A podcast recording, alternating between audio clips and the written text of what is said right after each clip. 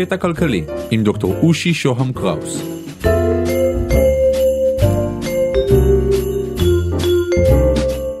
פרק מספר 9, Social Credit, חלק ראשון, על גילדות וזכויות יוצרים.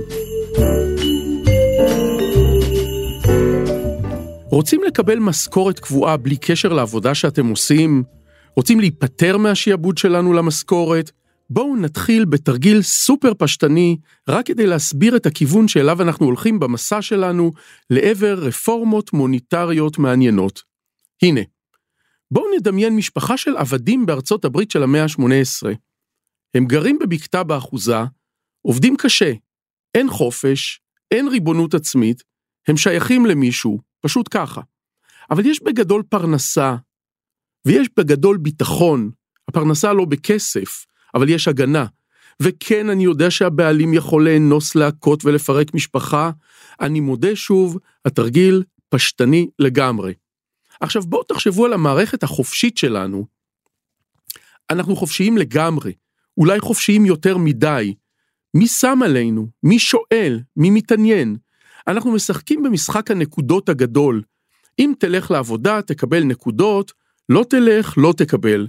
מה יקרה? לא יקרה כלום, לא תקבל נקודות. אבל כשאין לך נקודות, זה לא נעים, אבל אתה חופשי. אתה יכול למות מרעב על המדרכה כאדם חופשי וגאה. לנקודות שלנו קוראים כמובן בשם כסף, והן תווים דיגיטליים בזיכרונות של מחשב. אז מה? זה לא נאום פתיחה למניפסט הקומוניסטי, זה צעד ראשון בהצגה של פילוסופיה פוליטית שכוללת כלכלה אלטרנטיבית ואידיאולוגיה מעניינת, ולבסוף ניתוח מעניין של מהות הכסף.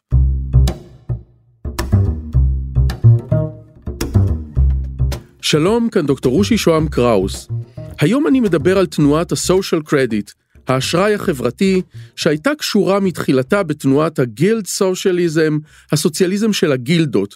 התנועה הזו פעלה החל משנות ה-20 של המאה ה-20.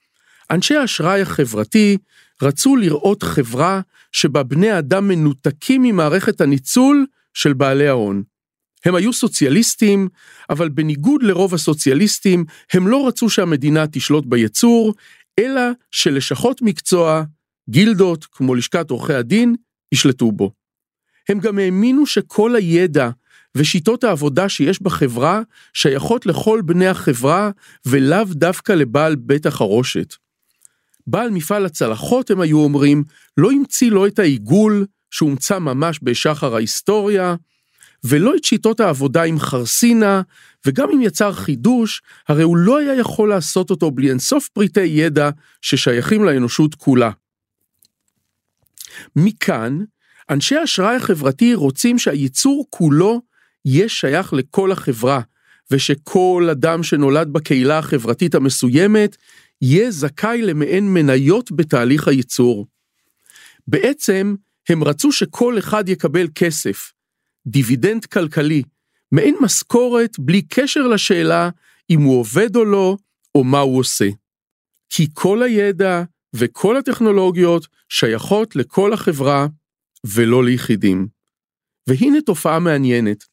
לא מעט מהרפורמיסטים המוניטריים, האנשים שרצו לתקן את מערכות הכסף והמטבע, היו מהנדסים בהשכלה שלהם. אולי מה שצריך כאן זו ראייה אחרת של הדבר הזה שנקרא כסף. וכשמדברים על תנועת ה-social credit, אנחנו מדברים על שותפות מחשבתית בין שני אנשים, בין המהנדס מייג'ור קליפורד יו דוגלס, והעיתונאי והפעיל החברתי אלפרד ריצ'רד אורג'. שני אלה שיתפו פעולה על גבי כתב העת שהוציא לאור אורג' בשנות ה-20 של המאה ה-20 בלונדון. כתב העת נקרא New Age, העידן החדש.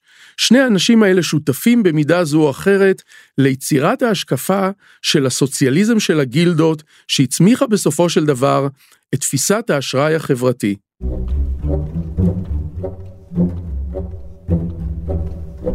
התפיסה של אורג' ושל דגלס מורכבת מכמה נדבכים, ואנחנו מתחילים בסוציאליזם של הגילדות.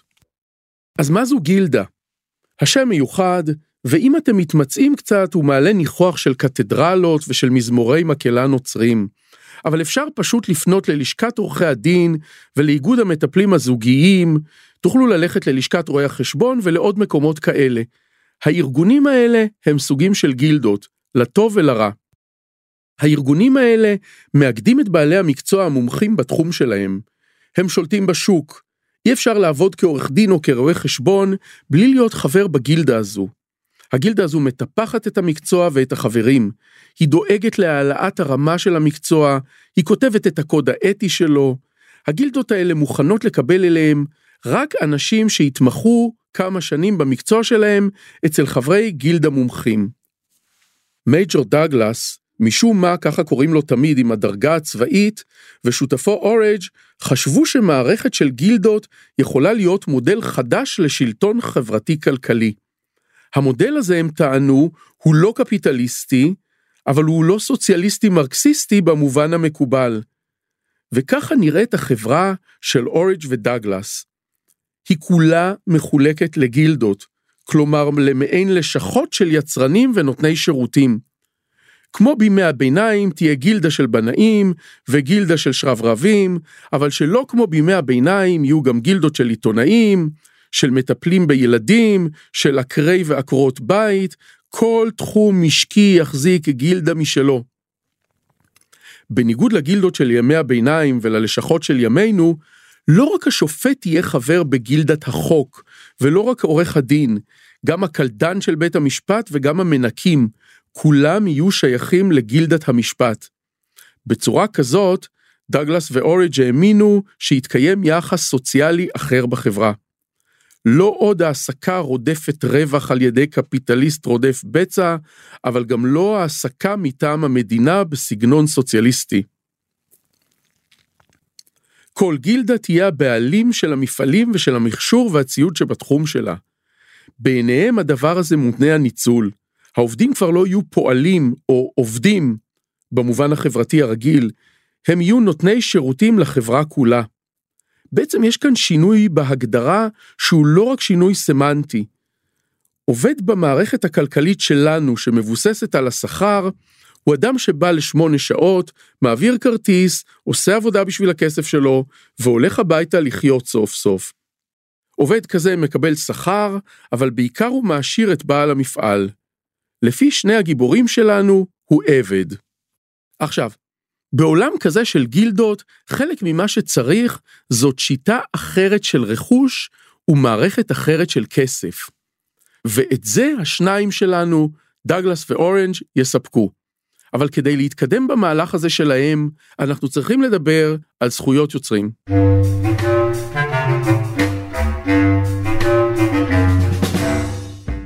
יש לי זכויות על הפודקאסטים האלה? האם הם שלי כי אני כותב אותם? האם מותר לי לאסור על המאזינים להפיץ אותם? שאלה טובה. במקרה שלי, האינטרס הכלכלי והרגשי שלי הוא שיפיצו את הפרקים.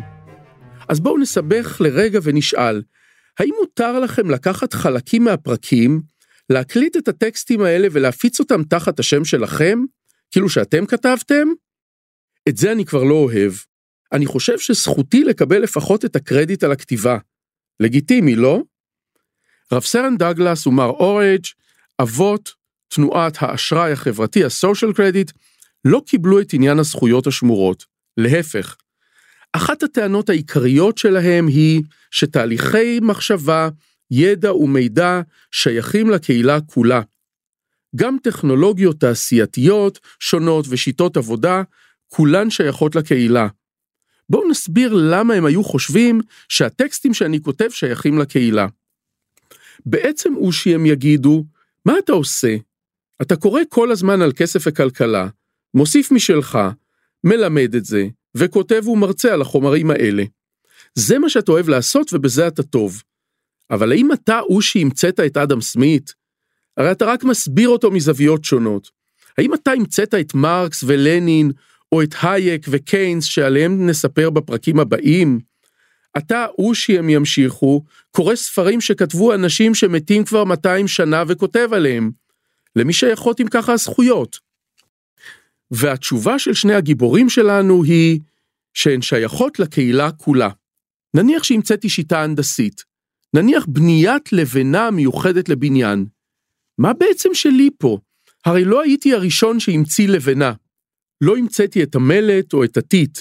לא המצאתי את התחשיבים של הכוחות הפועלים על לבנה, וגם לא את האלגברה כולה, ולא את הגיאומטריה, ולא את שיטת הסרט הנע, ולא את מערכת הבנקאות, ולא ולא ולא ולא ולא. כל אחד מהדברים האלה נבנה בהדרגה, נדבך על גבי נדבך במשך אלפי שנות ציוויליזציה. תחשבו דגלס ואוריג' היו יכולים להגיד, מה יקרה אם אני אגלה שאני היורש של האיש שהמציא את הגלגל לפני מיליון שנה? האם כל חברות הרכב צריכות לשלם לי תמלוגים על שימוש במעגל בגלל ההגה והגלגלים של המכונית? בקיצור, אוריג' ודוגלס חושבים שהיצרנים הפרטיים של ימינו משתלטים שלא בצדק על רכוש הקהילה, על הידע, הניסיון, שיטות הייצור והיכולות המדעיות והטכנולוגיות. למה שאדם אחד, הם שואלים, שרוב מרכיבי הידע והטכנולוגיה שבהם הוא משתמש, נוצרו בהדרגה על ידי מאות אלפי בני אדם, חלקם אלמוניים, שמתו באלפי השנים האחרונות, יעשה מכל זה כסף. הרי מדובר בנכסים טבעיים, אוצרות תרבות טכנולוגיה, והם צריכים להיות שייכים לכולנו. אז מה נובע מזה? להנחות האלה יש השתמעויות מאוד מעניינות, וחלק גדול מהן מוניטריות, כלומר קשורות לאופי הכסף שצריך להתקיים בחברה, ועל זה בפרקים הבאים.